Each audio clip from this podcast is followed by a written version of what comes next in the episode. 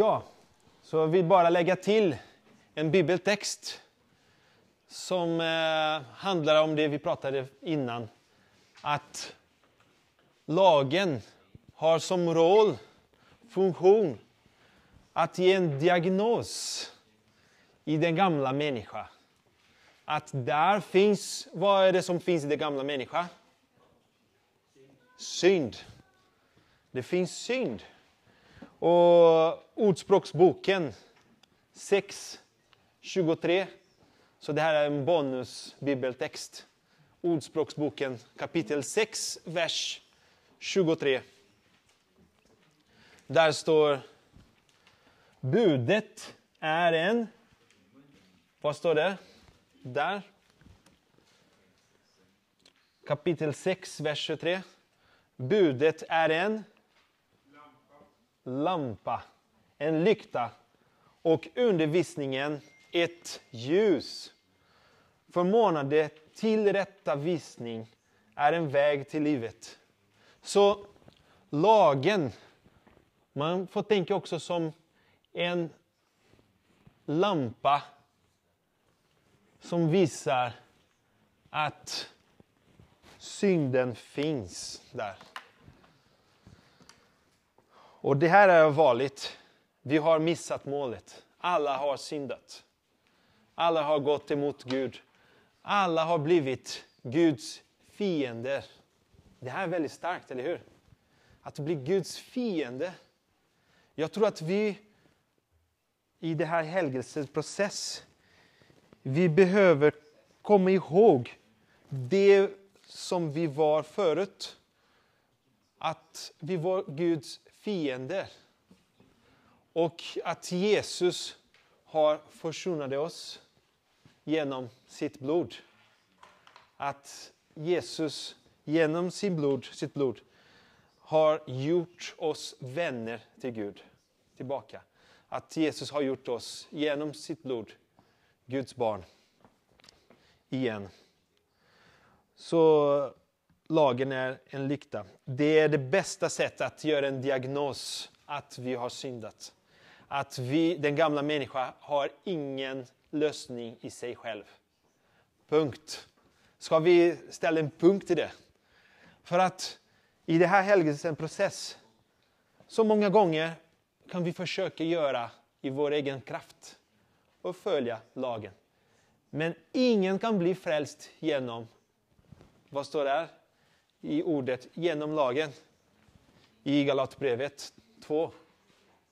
Men genom nåd. Så det här är väldigt viktigt. Och när vi predikar evangeliet, jag pratar fortfarande om rätt, rättfärdighet, att Jesus dog för oss. Och när vi predikar evangeliet, vi, vi kan säga flera saker till människor. Men en som är en väldigt viktig sak handlar om omvändelse. Den helige Ande har uppenbarat oss om att vi har syndat. Och Jesus har förklarat det i, i Johannes evangeliet kapitel 16. Att han, den helige Ande ger världen övertygelse över synden och, kan ni hjälpa mig? Domen, eller hur? Och rättfärdighet. Det, det stämmer. Bra Ebba! vi får kolla det här tillsammans. Om vi går till Johannes kapitel 16.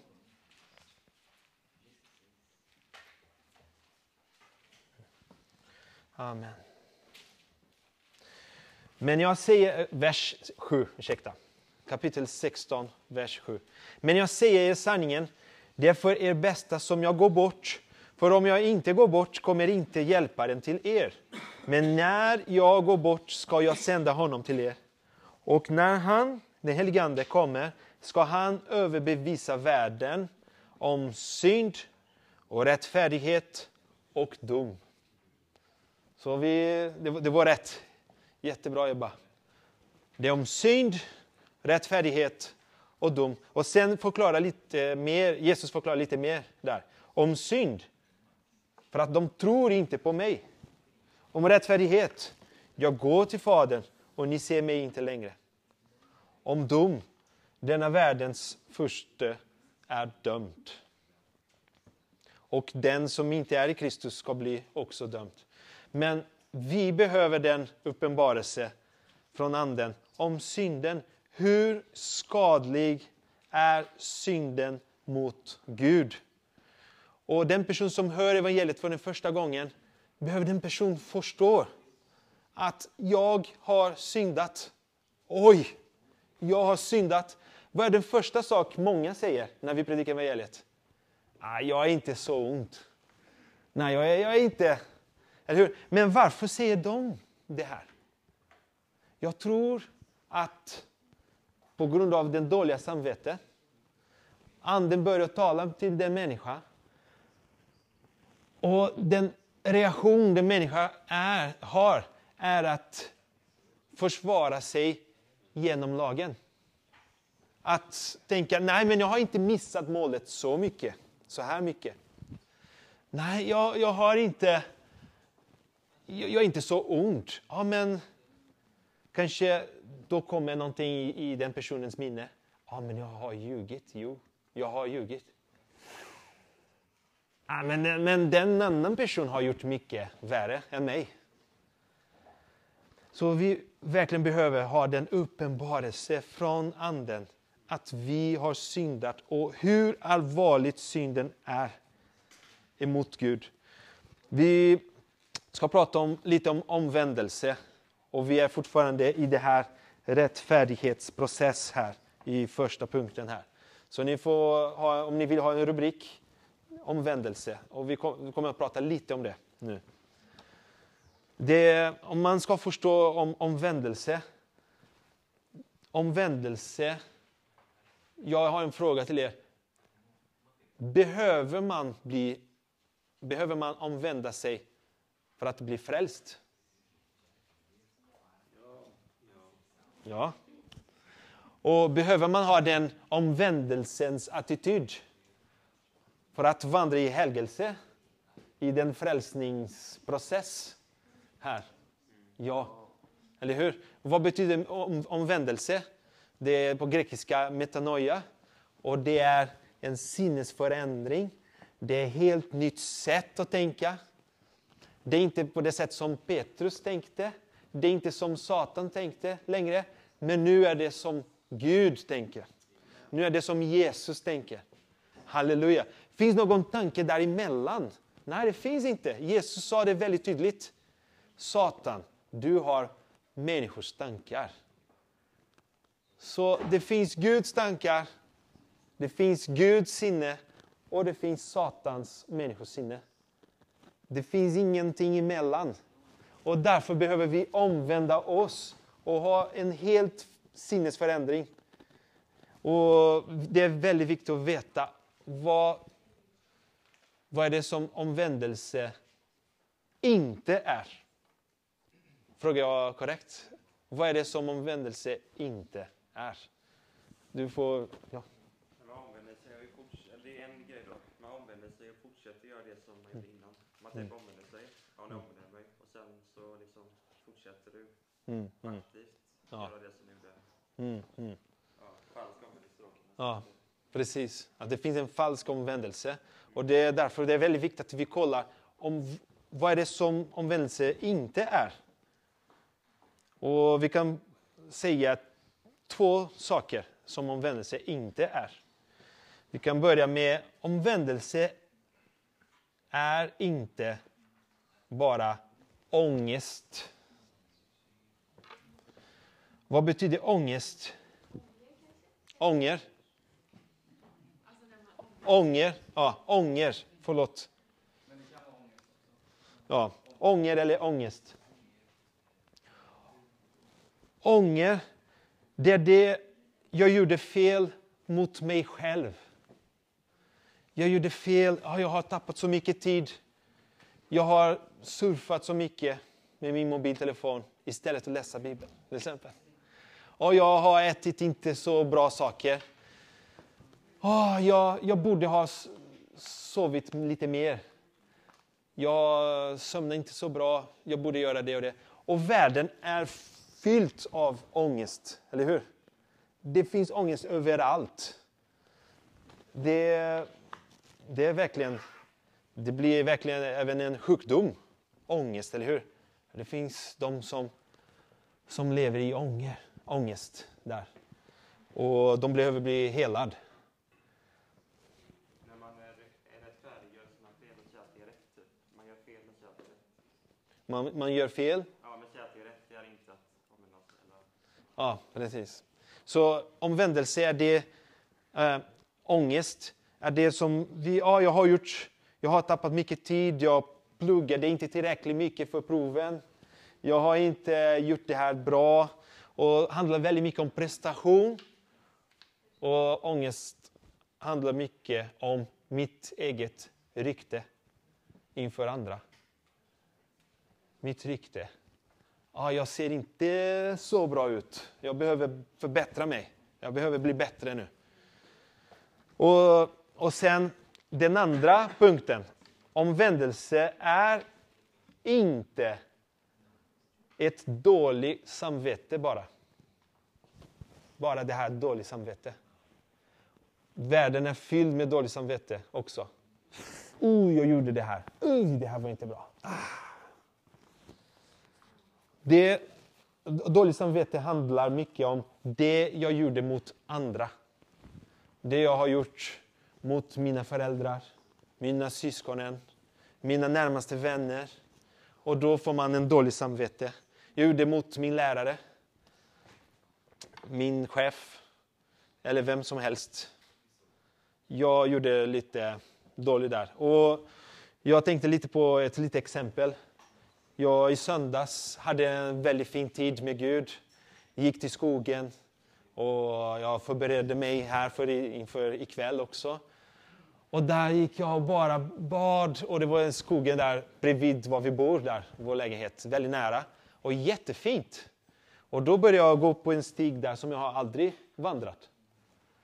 Och jag bor där för hur många år? Ja, det var några år, eller hur? 2016, Nej, 2000, nej, när flyttade jag dit? Jag kommer inte ihåg. 18. Ja. Men 2012 har jag flyttat till det här området. Och det är första gången jag går till den där stiget där. Första gången.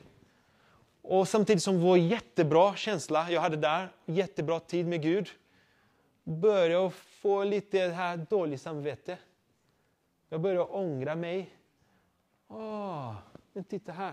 Gud, varför har jag inte gjort det här förut?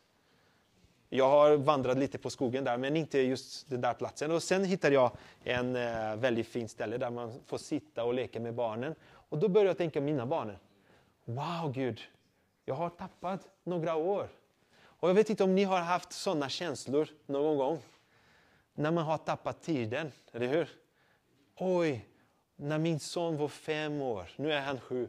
Jag kunde göra det här och det här också, men jag missade det. Och nu ska tiden inte gå tillbaka komma tillbaka. Och Det här det är ett naturligt sätt att tänka i vårt gamla sinne. Vi kan väldigt lätt ha ångest och väldigt lätt ha dåligt samvete. Men omvändelse är mycket mer än det. Vet ni vad omvändelse är? Jag pratade om det som var det jag ångrar, det jag inte gjorde för min skull, för mig. Och sen dåligt samvete, det som jag gjorde för andra. Men sen finns den riktiga omvändelse. Vet ni vad det är? Det vi gjorde emot Gud. Mot Gud. Ja. man vänder om typ från, eh, om man har, man, man, typ, mm. man kallar dit och så vänder man om med 80 grader från synd och värld till Gud. Ja, liksom. precis. precis. Och det här är väldigt viktigt. Vet ni varför det här är så viktigt? För att vi har vår egen linjal. Jag har min egen linjal, jag har min egen referens. När det handlar om mig, jag har, den, jag har mig själv som referens från igår. Jag kan bli bättre idag än jag var igår. Eller hur? Ja, det jag gjorde var inte bra, jag var bättre förut. också. Det kan ske att jag var bättre förut på det. Jag brukar gymma jättemycket. Jag gjorde inte det, men jag bara hypotes. Jag gymmade jättemycket och nu gymmar jag inte längre. Oj! Och då har jag min egen linjal. Eller jag kan ha en linjal från andra. Ja, oh, här finns en linjal. Det är jättebra. Ja. Och sen börjar jag jämföra mig med andra och då har jag dåligt samvete. Men när vi ser lagen, vi ser Guds lag, då har vi en annan linjal. Vilken linjal har vi? Guds linjal. Amen. När vi ser Matteus kapitel 5, 6 och 7. Folket på kapitel 7, efter Jesus predikade, bergspredikan. Folket blev så här, wow! Med vilken auktoritet predikade Jesus. Han predikade med auktoritet, inte så som de andra gjorde, de fariseerna och skriftlärda. Men han predikade med auktoritet. Varför predikade Jesus Matteus 5, 6, 7 med auktoritet? Varför? Kan ni svaret? Kanske det finns flera svar, men... Ja. Guds linjal. Ja. För att Jesus hade redan gjort allt detta han predikade. Han hade redan gjort. Det var hans sätt att leva. Det var precis, han sa allt jag gör, jag hör från min far. Allt jag tänker, det kommer från min far. Allt jag säger från min far. Och Jesus har redan gjort, han har uppfyllt lagen, och inte bara lagen, men han har också uppfyllt Kristi lag, som han predikar i Matteus 5, 6 och 7. Wow, det här är underbart, eller hur? Då undrar jag, om linjal, min egen linjal är så här stor. Och då har jag en, eh, jag har lite ångest här, ånger eller ångest. Både och. Ja, jag kan bli lite bättre, jag kan bli lite så här. Ja, jag kan bli lite... Men jag också har dåligt samvete för att jag inte är lika bra som de andra. Eller inte lika dålig som de andra där. Så det finns här de dåliga. Så, ja, Hitler är här. Och, och de andra är här. Ah, jag är inte lika dålig som han här, som är väldigt ont. Men jag är inte lika bra som han. Då börjar jag ha dåligt samvete. Men om vi tittar på Jesu linjal. Hur stor är Jesu linjal? Jämfört med de här. Jesu linjal går till himlen. Det, eller hur? Det är oändlig linjal. Det går inte att uppfyllas Jesu linjal i vår egen kraft. Så det här är helt omöjligt. Och då behöver vi, vad då? Behöver vi omvända oss. Det finns inget annat sätt. Vi behöver verkligen omvända oss och säga Åh oh, Gud, det jag har gjort mot dig. Vad har jag gjort mot dig Gud? Vad har jag gjort med den nåden du har gett mig? Vad har jag gjort med, med, med Kristi liv? Jesus dog för mig och vad har jag gjort? Om man, en syndare, behöver komma till det här inställningen. Vi alla, och när jag pratar om syndare, då pratar jag om oss själva och hela världen. Vi behöver komma till den här platsen av omvändelse. Och när man omvänder sig, det betyder att man har sett hur stor Gud är, hur helig han är. Och det finns inget annat sätt än att omvända mig till honom. Vad är detta jag har gjort mot honom? Wow!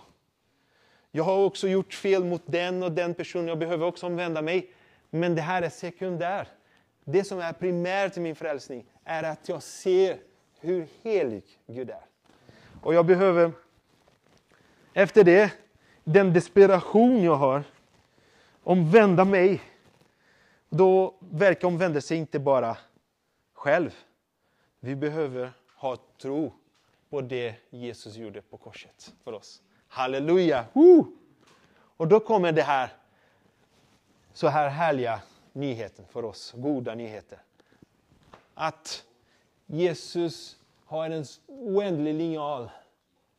Men jag kan leva genom honom och ha exakt lika linjal som han har. Jag kan ha hans linjal, jag kan leva i hans linjal där. Och det är underbart. Och när jag omvänder mig, då sa jag, okej okay, det finns ingen lösning för mig.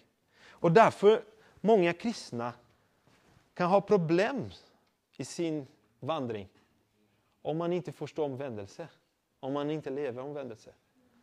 För att man försöker fortfarande leva med sitt eget linjal här. Man försöker fortfarande att leva, oh, nu har jag dåligt samvete, nu har jag förlorat min frälsning. Oh, nu fick jag min frälsning tillbaka, yes! Oh, nu har jag förlorat min frälsning. Man lever mycket i det här. Eller hur? Man lever inte genom tro. Och det står i ordet att det rättfärdiga ska leva genom tro. Halleluja. Och det är den nästan sista versen här faktiskt. Det är intressant, jag stannar på den första punkten.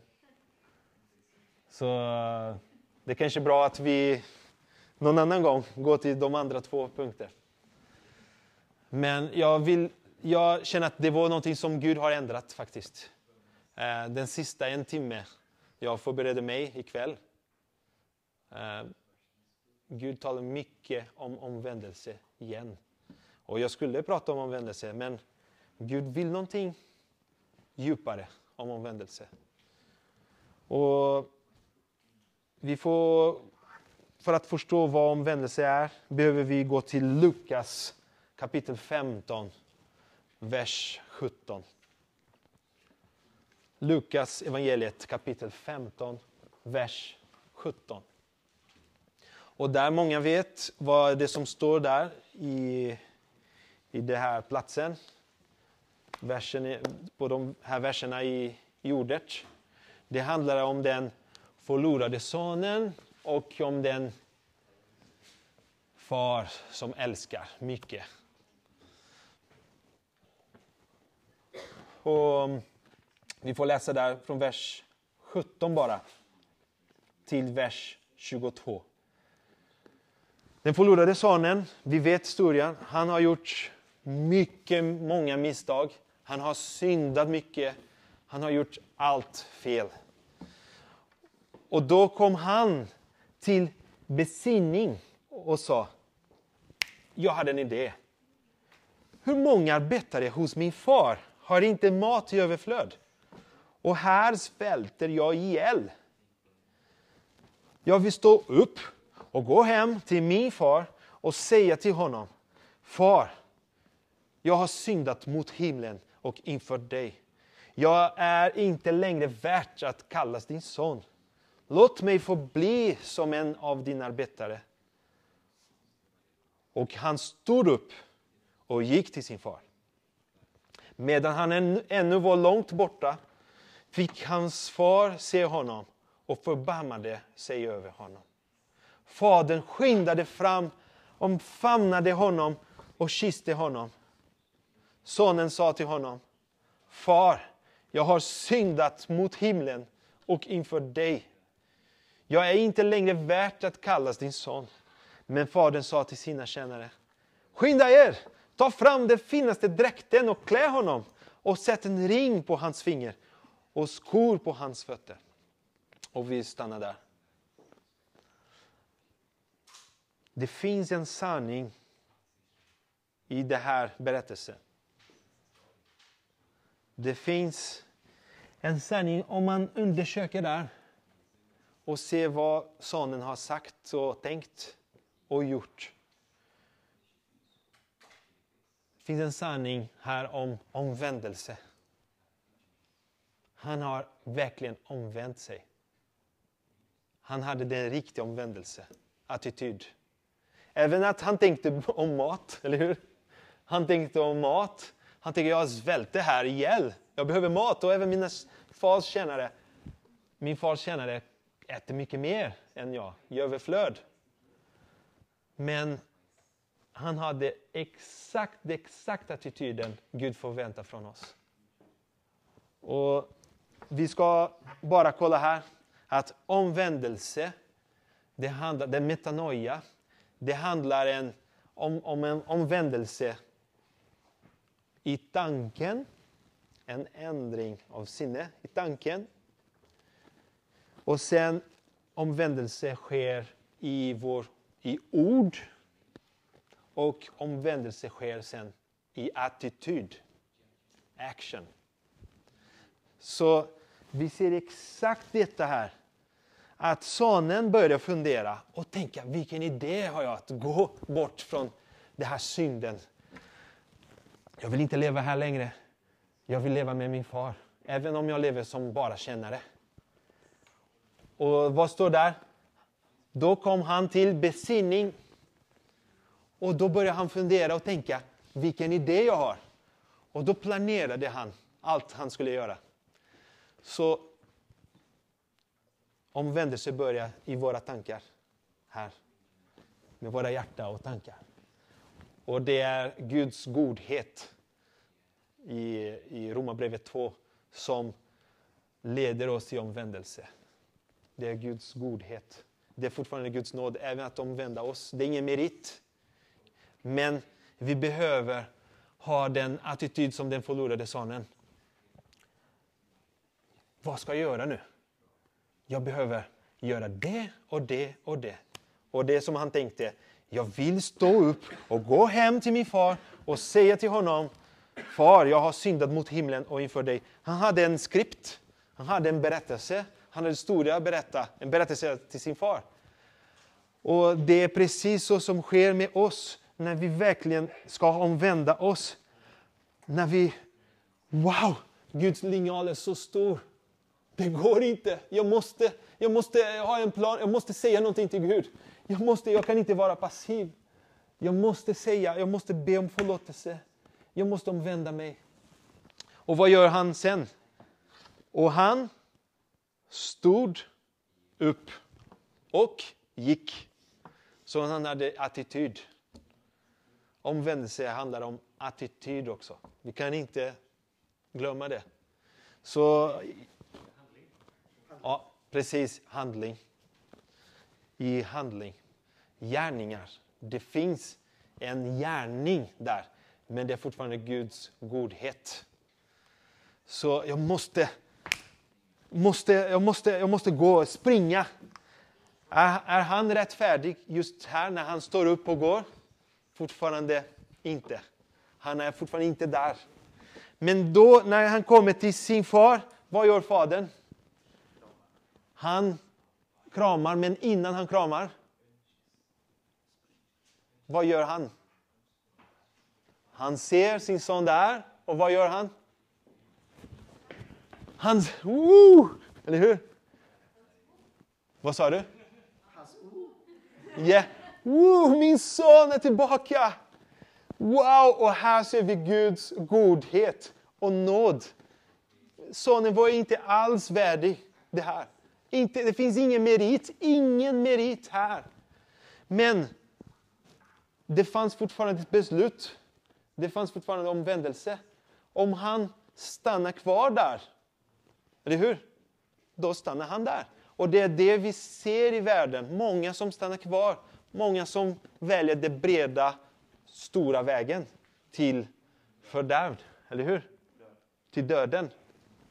Tyvärr. Men det finns en små väg. Den små väg om omvändelse. Och vi kan inte tappa det. Vi kan inte missa det här. Att det finns en väg. Och sen säger han till fadern, Far, jag har syndat mot himlen och inför dig. Och här är omvändelse i ord också. Så tankar, attityd och ord. Amen. Det finns mycket mer. Det finns mycket mer. Vi omvänder oss till Gud.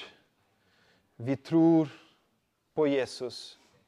Vi har blivit döpta, begravda i Kristus. Och vi uppstod med honom genom dopet. Och vi har fått det helige Ande. Vi behöver alla fyra. Amen. Så som Petrus i den helige Ande har predikat i Apostlagärningarna 2.38. Vi verkligen behöver. Och den helige Ande är Guds kraft för oss att bli hans vittnen här på jorden. Och det är Guds kraft för oss att leva det kristna livet. Den helige Ande är Guds ande i oss. Och det är den i Kristus som gör att vi blir den nya människa, den andliga människan. Vi går till den sista bibeltext nu. Och nu går vi till två bibeltexter. Det är Hebreerbrevet 2 från vers 1 till 4. Hebreerbrevet 2 från vers 1 till 4.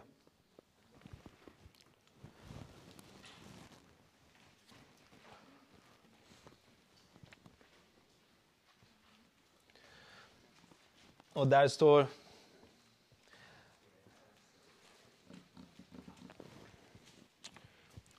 Hebreerbrevet 2 från vers 1 till 4. Därför måste vi så mycket mer ta vara på det vi har hört. Så att vi inte driver bort med strömmen. För om redan det ord som gavs genom änglar stod fast och varje överträdelse och olydnad fick sitt rätt, rättvisa straff. Hur ska vi komma undan om vi inte bryr oss om en sådan frälsning? Och här när det står, jag ska läsa igen versen 3. Hur ska då vi komma undan om vi inte bryr oss om en sådan, i grekiska står great, stor frälsning. Den förkunnades först av Herren och bekräftades sedan för oss av dem som hade hört honom. Här författaren pratar om evangeliet. Evangeliet förkunnades först av Herren Jesus och det som vi läste i Matteus evangeliet. Eller hur? Och bekräftades sedan för oss av dem som hade hört honom. Även Gud gav sitt vittnesbörd genom tecken och under och olika kraftgärningar och genom att dela ut det helige Ande efter sin vilja. Så vi har fått bekräftelse av evangeliet genom Jesus predikan av evangeliet, det som vi läste om när, när han profeterade om sin, att han skulle dö och uppstå. Och sen genom apostlarna, eller hur? Och sen får vi bekräftelse genom Guds ande. Vad är det som står där? Om vi kollar där. Även, vers 4. Även Gud gav sitt vittnesbörd genom tecken och under och olika kraftgärningar. Så den helige Ande, när han bor hos oss, i oss, i, i den här helgelseprocess, det här är en bekräftelse av evangeliet genom Guds ande. Så Gud, Guds ande, den helige Ande, bekräftar evangeliet genom kraftgärningar, genom tecken och under. Ja, det är inte underbart. Och vi kan se i många olika ställen, i Apostlagärningarna också, när det fanns den, vad heter den, vad heter magis, eh, magik, eh, magiken där, eh, Simon, eller hur? Han heter Simon tror jag. När han kollade att Petrus och apostlarna, de var fyllda av den helige Ande. Och, och då ville han ha samma, samma kraft, samma under. Så vi ser att den helige Ande är Guds kraft för oss att bli vittnen, att bekräfta evangeliet. Det är inte bara det här som jag sa en gång förut. Att det inte, den helige Ande är inte bara den person som, en, en, en, vårt samvete, som har väldigt svag röst. Det är inte bara det som heligande är väldigt så här gentleman. Men det är inte bara det. Det heligande är Guds kraft för att bekräfta evangeliet i oss. Och det kan ni lägga, om ni vill lägga till en rubrik i det här sista vers, i det här versen. Ni kan säga helgelse. Eh, att, eh, ursäkta, Jesus uppstod och helgelseprocess. Så det var två rubriker där. Jag hoppade lite, ursäkta mig, men jag tar bara det som eh, vi hinner idag. Och den sista versen. Nu ska vi prata om den frälsningsdag och vi ska sluta med det ikväll. Första Petrus kapitel 1 från vers 3 till 12.